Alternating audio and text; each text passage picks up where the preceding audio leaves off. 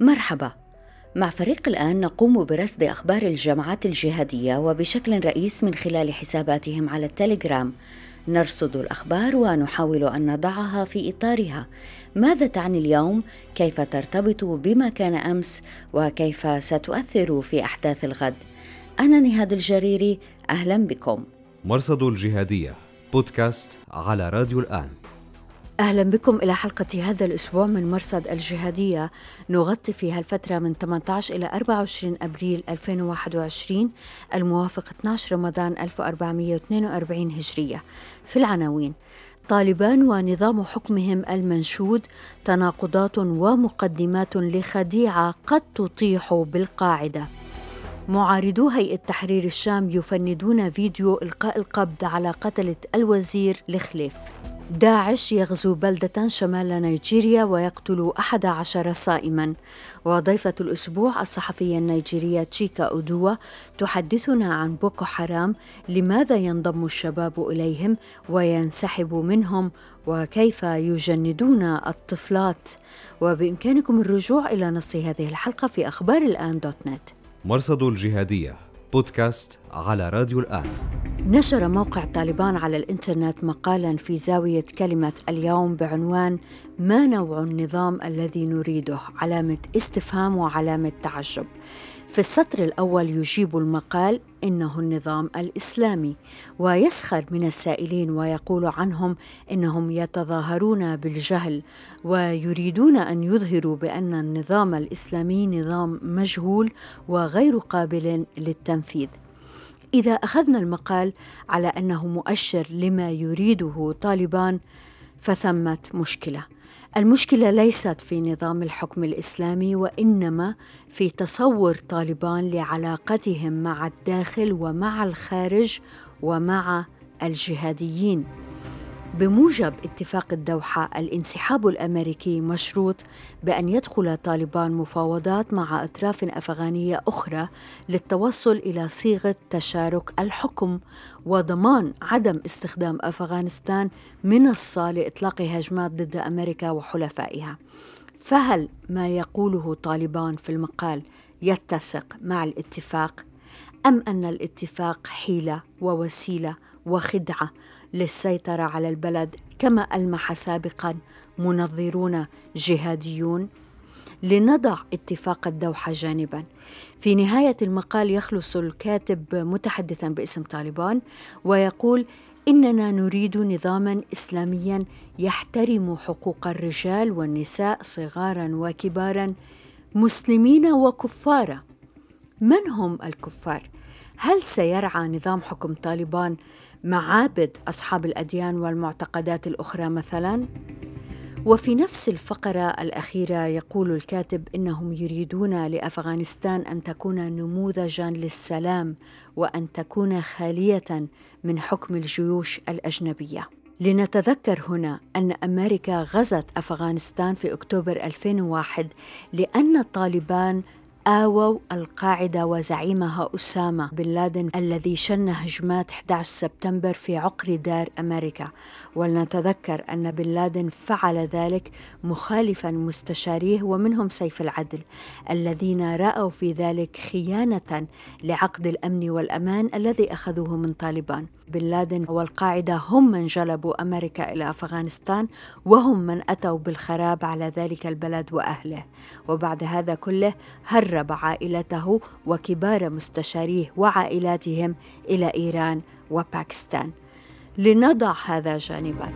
طالبان اذا يريدون السلام. هل سيطردون القاعدة؟ من الواضح أن طالبان لم يحسموا أمرهم في هذا الجانب. قالوا إن لا نشاط للقاعدة في أفغانستان لكن هذا غير صحيح على الأقل الآن بدليل استهداف قادة كبار في القاعدة في العمق الأفغاني من أبي محسن المصري إلى أبي محمد الطاجيكي. هل تعلم طالبان الدرس؟ هل سيرفعون يدهم عن القاعدة؟ ماذا سيحل بأنصار القاعدة ممن يدينون لهم بالولاء والبيعة؟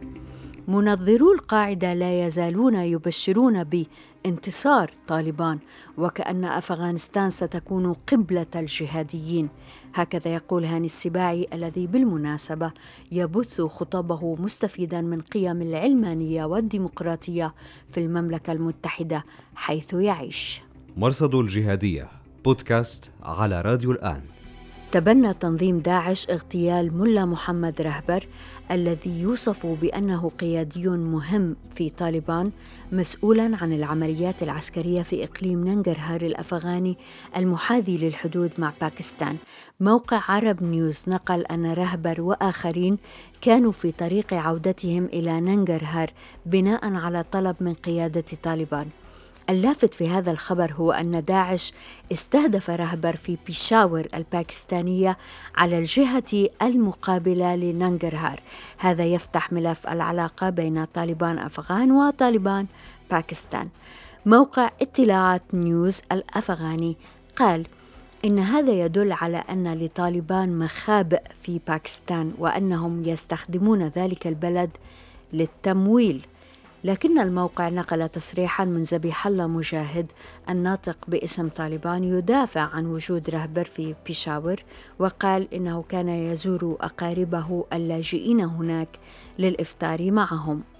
رهبر هو ثالث قيادي من طالبان يقتل في بيشاور في الأشهر الأربعة الأخيرة. مرصد الجهادية بثت مؤسسة الملاحم الذراع الإعلامية لتنظيم القاعدة في اليمن سلسلة صوتية. قالت إنها جديدة للقاضي أبي بشر محمد درامة السلسلة بعنوان وقفات ودروس من قصة طالوت وجالوت. الخبيرة في شؤون قاعدة اليمن الدكتورة إليزابيث كاندل من جامعة أكسفورد البريطانية علقت على الإصدار في حسابها على تويتر وقالت هذا أول ظهور إعلامي لأبي بشر دراما منذ عام تقريبا بالرغم من أن القاعدة تقول إن التسجيل جديد إلا أنه يتسق مع أسلوب القاعدة في تدوير المواد الأرشيفية القديمة وتقديمها على أنها إصدارات جديدة. رجحت ألا يكون التسجيل حديثا. وأشارت إلى تقرير يمني حكومي قال إنه ألقي القبض على أبي بشر في 13 يناير الماضي. وكالة سبأ الحكومية نشرت التقرير مطلع أبريل ولم يتم تداوله بشكل واسع أو يعلق عليه مسؤول حكومي. وهكذا ظلت هذه المعلومة في حساب الدكتورة كندل متبوعة بعلامة استفهام. بودكاست على راديو الآن. بث حساب جهاز الأمن العام التابع لهيئة تحرير الشام تسجيلا مرئيا يوثق شهادات من قالوا إنهم عناصر جماعة أبي عبد الرحمن سفينة التونسي المتورطين في قضية خطف وقتل الوزير فايز الخليف. في الفيديو وصف لرصد الوزير واختطافه ثم قتله، بالإضافة إلى لقطات يجلس فيها المتهمون أمام أفراد من عائلة الوزير والختام بشهادة والد الوزير يستذكر فيها ابنه المغدور. الفيديو لم يقنع معارضي الهيئة فمثلا ورد في التسجيل أن المتهمين قتلوا الوزير بعد فشل تحصيل فدية ودفنوه مزمجر الثورة السورية قال إن مدنيين عثروا على جثة الوزير مرمية على حافة الطريق وليست مدفونة في قبر وكرر أن الهدف من العملية كلها هو القضاء على سفينة تونسي جزار قلب لوزة 2015 متابع أرسل للبرنامج رسالة قال فيها من يخطف للفدية لا يعذب ومن عنده خبرة بالقتل لا يدفن بهذه الطريقة الصبيانية التي انكشفت بعد يوم. المحامي عصام الخطيب لفت إلى أن الإصدار يشير إلى اعتقال سبعة أشخاص فيما ظهر في الفيديو خمسة وتساءل أين السادس والسابع؟ وعن القتلى في كفر دريان قالت الهيئة إنهم قتلوا ثلاثة عرف منهم اثنان أبو دجانة الليبي وسفينة التونسي فمن هو الثالث؟ يسأل الخطيب. مرصد الجهادية بودكاست على راديو الآن. في 21 أبريل 9 رمضان وقع هجوم ضد قوات النظام السوري ومن والاهم روسا وإيرانيين في محور رويحة شرق جبل الزاوية جنوب إدلب. الأطراف المتصارعة في إدلب كل نسب الفضل إليه. مناصرو هيئة تحرير الشام نقلوا أن مجاهدي غرفة عمليات الفتح المبين التابعة للهيئة أغاروا على الموقع من دون تقديم تفاصيل. أما معارضو الهيئة ففصلوا وقالوا إن اثنين من كتيبة أبي عبيدة وهي كتيبة الأزبك التابعة للهيئة انغمسا في الهدف من دون علم عسكريي الهيئة. وهذا معناه أن الانغماس كان عملا فرديا أو تمردا على سلوك الهيئة التي يراها معارضوها معطلة الجهاد في شمال غرب سوريا. متابع لحساب أبي يحيى الشامي قال إن ثمة روحا قتالية لدى فئة من المهاجرين والأنصار برغم سلوك الهيئة ووقع بمهاجر تارك من هيئة تحرير الشام ونأسف أنه بسبب جماعتنا التي عملنا معها سنوات لم نعد نستطيع أن نكتب حتى باللقب. ليست المرة الأولى التي ترد فيها أخبار من هذا النوع آه، من التمرد. في أغسطس الماضي خبر حساب رد عدوان البغاة عن عمل يكاد يكون مطابقا لهذا العمل حيث قام اثنان من الأزبك بالانغماس في نفس المكان واستنكر وقتها الحساب نسبة العمل إلى غرفة الفتح المبين التابعة للهيئة. مرصد الجهادية. غزا تنظيم داعش بلدة جيدام كبرى بلدات ولاية يوبي شمال نيجيريا. الهجوم جاء وقت الإفطار. داعش أطلقوا النار في البلدة وقتلوا أحد عشر مدنيا. كالعادة أحرقوا الممتلكات ونهبوا المؤونة. ويقال إنهم خرجوا وعادوا. ويقال إن الجيش تصدى لهم. المهم واللافت في هذا الغزو هو أنهم وزعوا منشورات تشرح أهدافهم وتدعو أهل المنطقة إلى الانضمام إليهم. وكما هي أغلب الهجمات الإرهابية في شمال شرق نيجيريا غالبا ما يتم الخلط بين داعش ولاية غرب إفريقيا وبين بوكو حرام جماعة أبو بكر شيكاو. حتى إن بعض كبرى المنصات الإخبارية تشير إلى أن الجماعتين قامتا بالهجوم. شيكاو بايع داعش في 2015 لكن سرعان ما اختلف معهم أو اختلفوا معه لأن قيادة داعش عينت أبو مصعب البرناوي واليا على ما يسمى ولاية غرب إفريقيا. في 2016 شيكاو ذهب في طريق وجماعة البرناوي ذهبوا في طريق. يشرفني أن أستضيف صحفية من نيجيريا عملت كثيرا على مسائل الإرهاب في بلدها تشيكا أودوا صحفية وشاعرة ومنتجة أفلام وثائقية على مدى عشرين عاما تعمل صحفية في أمريكا وإفريقيا تراسل مؤسسات إعلامية مهمة مثل نيويورك تايمز، The Guardian، بي بي سي، سي ان ان وناشونال جيوغرافيك شكرا جزيلا لوجودك معنا أستاذة أدوة Thank you very much. It is a pleasure. ماذا نعرف عن بوكو حرام؟ لأن كثيرا ما يختلط علينا الأمر حقيقة بخصوص توجهاتهم أين هم؟ هل هم داعش؟ هل هم قاعدة؟ هل هم طريق ثالث؟ Mm. That's a very good question. And you're right, it can be very confusing trying to understand this group. فعلا يشعر المرء بالاضطراب في محاولة فهم ما تمثله هذه المجموعة وما هو هدفهم. لنعد إلى التاريخ وهنا سأستخدم لفظ بوكو حرام للإشارة إليهم. فبالرغم من أن لهم اسما خاصا بهم إلا أن العالم يعرفهم ببوكو حرام. يعرفون باسم جماعة أهل السنة للدعوة والجهاد. وبوكو حرام أصبح اصطلاحا.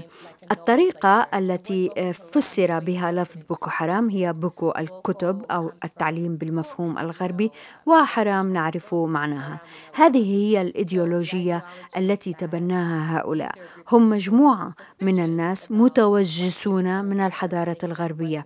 ومما تأتي به الحضارة الغربية. أعضاء هذه الجماعة وخاصة المؤسسين يعتقدون أنه يجب حماية الدين وحماية المفاهيم التي يؤمنون بها. بدأت مخاوفهم عندما تحولت نيجيريا من نظام حكم عسكري إلى نظام ديمقراطي في 1999 هذا التحول السياسي أثار مخاوف كثير من المسلمين في شمال نيجيريا لاعتقادهم أن الديمقراطية ستقرب نيجيريا من العالم الغربي وسيقربهم أكثر من الثقافة المسيحية. شعروا بأن عليهم التمسك أكثر بالدين الإسلام. ولهذا بدأ عدد من حكام الولايات الشمالية حيث الأغلبية المسلمة بدأوا يتبنون الشريعة ضمن نظامهم القانوني لاعتقادهم أنهم يحافظون على نقاء هذا النظام وأنهم يتبعون معتقداتهم حق الاتباع. So the man named Muhammad Yusuf جاء رجل اسمه محمد يوسف من شمال شرق نيجيريا. لا نعلم تحديدا من أين. البعض يقول إنه من ولاية يوبي. لا نعلم لكنه من شمال شرق نيجيريا. كان من دعاة فرض تطبيق الشريعة خاصة في محافظة بورنو التي ترعرع فيها. بورنو هي موطن قبائل الكانوري وهم جماعة إثنية كبيرة. هم أصحاب إمبراطورية كانم بورنو. لهم تاريخ طويل مع الإسلام. كانت لهم علاقات بالتجار العابرين الصحراء الكبرى حتى إن بعض آه، علمائهم يرجع أصلهم إلى اليمن. هذا جعل المنطقة مرتبطة جدا بالإسلام وساهم في تنوع الثقافة هنا فأصبحت غنية فعلا. عند الحديث عن الجماعات الإسلامية المتشددة في نيجيريا الحقيقة أننا لم نرها في شمال شرق البلاد بل في مناطق أخرى من شمال نيجيريا. لهذا تفاجأنا عندما شهدنا ظهورها في المناطق الشمالية الشرقية حيث الكانوري. شعب الكانوري معروفون بأنهم مسالمون. كان مفاجئا أن نرى شبانا يتحدثون بغضب عن تغيير المجتمع. هؤلاء الشباب كانوا أتباع محمد يوسف الذي تمكن من استقطاب عدد كبير من المتعاطفين والأتباع. أتباعه جاءوا من مختلف طبقات المجتمع من أفقر الفقراء إلى أغنى الأغنياء. سياسيون كثر آمنوا بأفكار الرجل ذهبوا للصلاة وراءه في مسجده. لهذا كنا نرى أمام مسجده سيارات فارهة يملكها نخبة المجتمع وعلية القوم. يأتونه يغدقون عليه المديح والهدايا ويطلبون أن يدعو لهم. كان يفعل لكنه كان يسعى أيضا إلى التحقق من أن الحكام يطبقون الشريعة كما يجب. فأصبح خطابه خطيرا. صار يدعو إلى الجهاد وحمل السلاح ضد الحكومة النيجيرية. يقول إن علينا الابتعاد عن المسيحيين والكفار الآخرين. هو وأتباعه استخدموا كلمات مثل أرني وكافر لوصف هؤلاء الذين يجب الابتعاد عنهم واتسعت رقعة تأثيره في أجزاء مختلفة من الشمال وصار يبشر بالدعوة وانتشرت رسالته التي تدعو إلى العودة إلى طريق السلف. And again, that just really spread and propagated his message of going back to the true way. لكن هذه لم تكن هي الممارسات الحقيقية التي تمثل الدين السمح أستاذي أدوة. What you're saying is exactly right, which is why many of the clerics, the malams, imams, and sheikhs in Nigeria he clashed with them because they were saying, son, this is not the way, you're misguided. صحيح. لهذا تصادم مع كثير من رجال الدين الأئمة والشيوخ في نيجيريا. كانوا يقولون له يا بني ليست هذه هي الطريق السليمة. أنت مضلل. فقطع علاقته مع كثير من معلميه ومنهم من قتل. وثمة اشتباه أن أتباع محمد يوسف قتلوهم لأنه اختلف معهم. أصبح أكثر جدلية والفئة الأكبر من رجال الدين كانوا يحاولون احتواءه كانوا يقولون له لا نعلم من أين أتيت بهذا هذا لا يمثلنا. لغرب إفريقيا تاريخ طويل مع الصوفية التي تدعو إلى السلام والتسامح كطريقة حياة فكان يوسف يأتي بشيء غريب على المجتمع. Broke away from those traditions, those mentors and clerics with very learned older men and started to spout his own ideology. So, as you're saying, من الأمور التي ميزت عنف بوكو حرام أستاذ أدوة أنهم يتفننون في القتل ومن ذلك استخدام النساء والبنات لتنفيذ هجمات انتحارية. وأنت كنت في موقع أكثر من هجوم من هذا النوع. حدثينا عن هذه التجربة. Um, as far as using girls and women as suicide bombers, it's really devastating The facts show that Boko Haram has used women and girls as suicide bombers استغلال البنات والنساء لتنفيذ هجمات انتحاريه أمر محبط حقا. تشير الأرقام إلى أن بوكو حرام استخدموا النساء والبنات لتنفيذ هجمات انتحارية أكثر من أي جماعة متطرفة أخرى في التاريخ. الجماعة التي كانت تحمل هذا اللقب كانت نمور التاميل في جنوب شرق آسيا لكن بوكو حرام تخطوهم. مئات البنات والنساء أجبرن على حمل المتفجرات. استخدمت كلمة كانت في مكانها. بوكو حرام يتفننون في ابتكار وسائل القتل. يخططون ويتآمرون لإقناع الشابات بحمل المتفجرات. تحدثت إلى شابتين أجبرتا على حمل المتفجرات ولكن تمكنتا من الهرب قبل تفجير العبوة فتاتان بعمر 17 و 18 عاما. ما عرفته منهما هو أن رجال بوكو حرام يخبرون الفتاة أنه بمجرد أن تفعل ذلك تذهب إلى الجنة. وهذا كلام ينطوي على خداع ومواربة. الرجال يخبرون الفتيات إنهم سيسيرون وراءهن وإنهم سيذهبون إلى الجنة سويا. الفتاة تفجر نفسها والرجل يهرب يكذبون عليهن. تعتقد الفتاة أن الرجل يحبها ويهمه أمرها وسوف يموت معها من أجل القضية العادلة فينتهي الأمر بها قتيله وهو ينتقل إلى فتاة أخرى. هذا هو أسلوبهم في خداع البنات. وغالبا ما تقدم عائلات بناتهن إلى بوكو حرام كي ينفذن هجمات انتحارية. لماذا؟ لهذا أسباب. منها أن الآباء يعتقدون حقا أنهم يساهمون في قضية عادلة دفاعا عن الدين والشرف وبعضهم يدفعه الفقر إلى التخلص من البنات. الأسوأ في الأمر عندما نرى لوحات إعلانية في ولاية بورنو كتب عليها لا تقدموا بناتكم وقودا لهجمات انتحارية هذه حملة شعبية تطالب الآباء بأن يوقفوا هذه الممارسات الخطأ. Billboards on the road saying do not give your daughter to be a suicide bomber you know warning parents not to do it so this became a public campaign saying stop stop this is not the right way this is not right لا زلت لا أستطيع أن أفهم أستاذ أدوة كيف يجندون طفلات في عمر عشر سنوات لتنفيذ هجمات انتحارية. Oftentimes these 10 year olds don't even know what is on them. They don't know. غالبا ما لا تدرك البنات في عمر عشر سنوات ما يحدث حولهن أو ما يحملن معهن. تحدثت إلى بنات في عمر 14 وعشر سنوات في أجزاء أخرى من المنطقة الشمالية الشرقية في كانو تحديدا. هؤلاء طفلات غير متعلمات ولا يعرفن حقيقة ما يحمل. لا يفهمن آلية عمل الكهرباء في تلك الصناديق. يقال لهن إن عليهن أن يخبئن تلك الصناديق في ملابسهن وأن يضغطن زرا متى وصلن نقطة معينة. ويفعلن هذا كل ما يعرفن. حتى لو شرح لهن الأمر لن يستوعبن شيئا لأنهن لا يستطعن معالجة هذه المعلومات. كل ما يعرفنه هو أن رجلا مؤمنا مثلهن تماما طلب منهن أن يحملن صندوقا وأن يضغطن زرا فيذهبن إلى الجنة ويعشن حياة آخرة جميلة.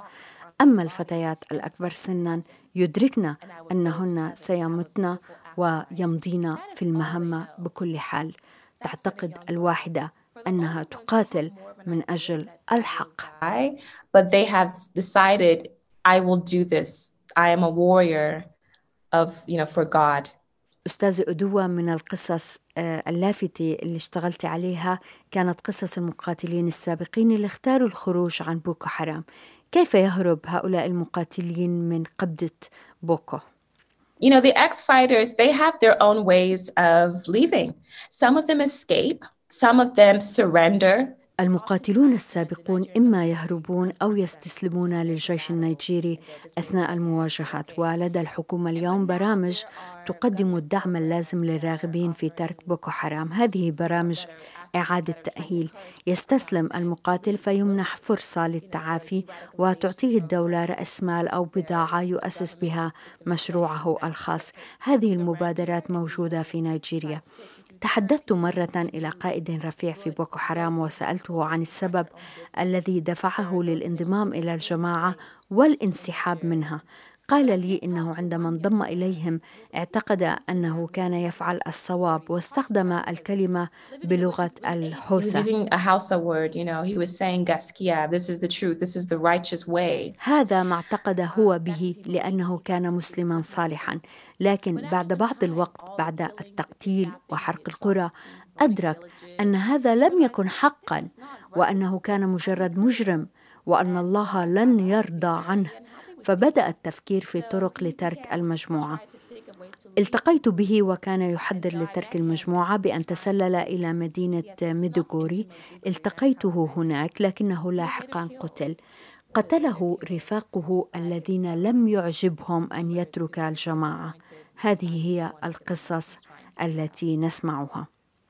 انضمام المقاتلين إلى الجماعه لا يتعلق دائما باسباب دينيه بعض المقاتلين ينضمون طلبا للمال وبعضهم طلبا للنساء وبعضهم طلبا للحمايه بعضهم ينضم حتى ينتقم من الجيش النيجيري الذي قتل اباءهم الابرياء الاسباب متعدده وكل هذا يؤدي إلى سعيهم لترك الجماعة لاحقا.